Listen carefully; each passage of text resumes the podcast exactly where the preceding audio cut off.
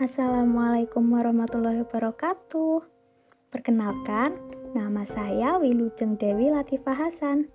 Saya akan membacakan sebuah penggalan naskah drama yang berjudul Iblis, karya Muhammad Diponegoro. Selamat mendengarkan. Panggung gelap seluruhnya. Suara ngeri terdengar merayap dan menanjak. Lampu sorot yang tak kuat berpusat pada pilar depan yang terbuka perlahan-lahan. Mula-mula tangannya, kemudian wajah dan tubuhnya.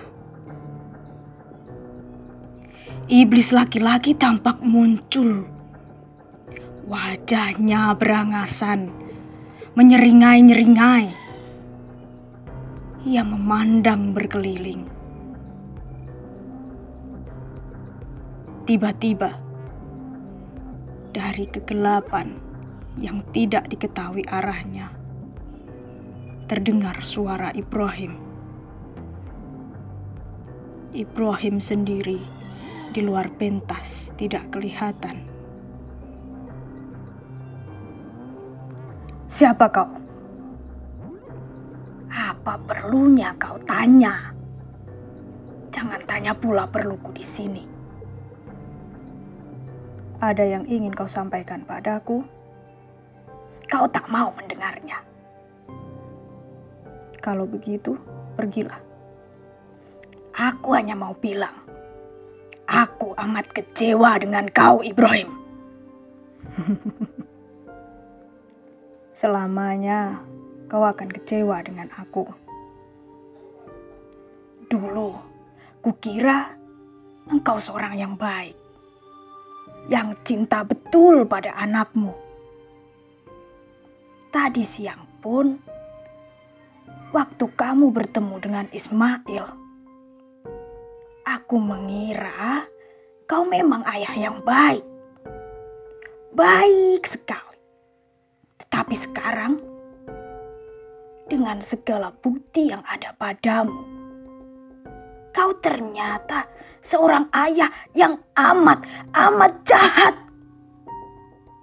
Ibrahim, Ibrahim, teruskan, teruskan.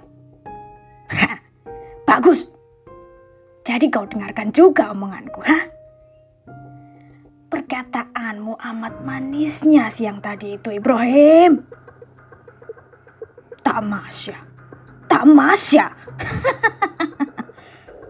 Tentu kau tahu maksudmu dengan tamasya. Kau telah kelabui istri dan anakmu. Tamasya, tamasya. Ismail senang sekali kau ajak tamasya. Istrimu juga gembira hatinya. Karena kau ternyata telah menunjukkan cintamu. Cintamu yang palsu itu dengan berlebih-lebihan pada Ismail. Hajar jadi terlupa bahwa Ishak sudah lahir dan dia percaya kau akan ajak Ismail bertamasya. Ismail pun tidak tahu sama sekali sebenarnya dia akan kau sembeli di puncak gunung. Istrimu tidak tahu anak kesayangannya akan kau habisi nyawanya. Ya, itulah jahatnya kau. Jahatnya kau sebagai seorang ayah dan sebagai seorang suami. Ada yang lebih gila dari seorang ayah yang menyembeli anaknya sendiri.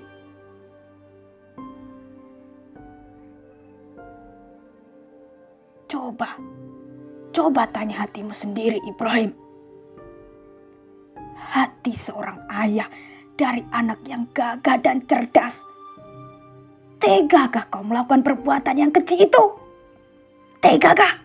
Aku heran kau bisa mengatakan akan sesuatu yang benar. Kenapa tidak? Biasanya omonganmu dusta melulu. Jadi bagaimana? Besok pasti ku sembelih Ismail. Tolol. Kau hanya menutup malu saja, aku tahu. Karena kau dulu pernah berjanji pada Tuhan. Kalau kau diberi seorang anak, kau rela menyembelinya sebagai korban. Jika anak itu diminta Tuhanmu. Jika diminta. Dan sekarang, betulkah Tuhanmu meminta? Alah, kau hanya bermimpi karena ketakutan hatimu sendiri. Sejak Ismail lahir, kau selalu ditakut-takuti oleh pikiranmu sendiri. Jangan-jangan Tuhanmu menagih janji. Janji yang kau ucapkan dulu itu telah menjadi hantu di hatimu. Begitulah besar ketakutanmu sehingga engkau bermimpi-mimpi. Mimpi yang gila ini kau kira tagihan dari Tuhan. Tolol kau Ibrahim. Kalau itu betul perintah dari Tuhan, maka Tuhanmu diam. Iblis terkutuk. Memang aku terkutuk. Nenek moyangku terkutuk. Anak cucuku akan terkutuk. Kenapa aku tak boleh membalas kutuk? Panas mulutmu iblis tapi tak bisa engkau membakar aku. Besok pasti ku sembelih Ismail. Hajar perlahan-lahan bangkit dan menoleh ke pintu. Tetapi iblis perempuan sudah tidak nampak. Hajar melangkah ke pintu dan menengok keluar tidak lagi dijumpai iblis perempuan. Dengan lesu, ia menuju balai-balai, dan tiba-tiba ia rebah menelungkup di atasnya, menangis dengan menengadah kepada penonton. Hajar mengeluh kepada Tuhan dalam tangisnya. Ya Allah, sekarang aku tahu benar kau telah memerintah Ibrahim untuk mengorbankan Ismail. Sekarang aku tahu. Aku ingat waktu dulu Ibrahim mengucapkan janjinya padamu. Dan sekarang kau telah menagih janji itu. Kau minta kembali Ismail dari tangan Ibrahim, dari ujung pedang ayahnya sendiri dan hatiku. Kalau memang begitu kehendakmu, bagaimana aku bisa menghalangi? Bagaimana aku bisa menolak? Ismail dulu kau berikan karena kemurahanmu. Dan entah karena apa, dia sekarang kau minta kembali. Tuhan, Tuhan, biarkanlah aku menangis. Biarkan aku menangisi perpisahanku dengan anakku Ismail. Tuhan, aku akan lega. Asal saja Ismail akan pulang ke tanganmu. Tapi biarlah aku menangis. Biarkanlah aku menangis. Biar bagaimanapun aku adalah ibunya juga. Aku ini ibunya. Aku ini ibunya.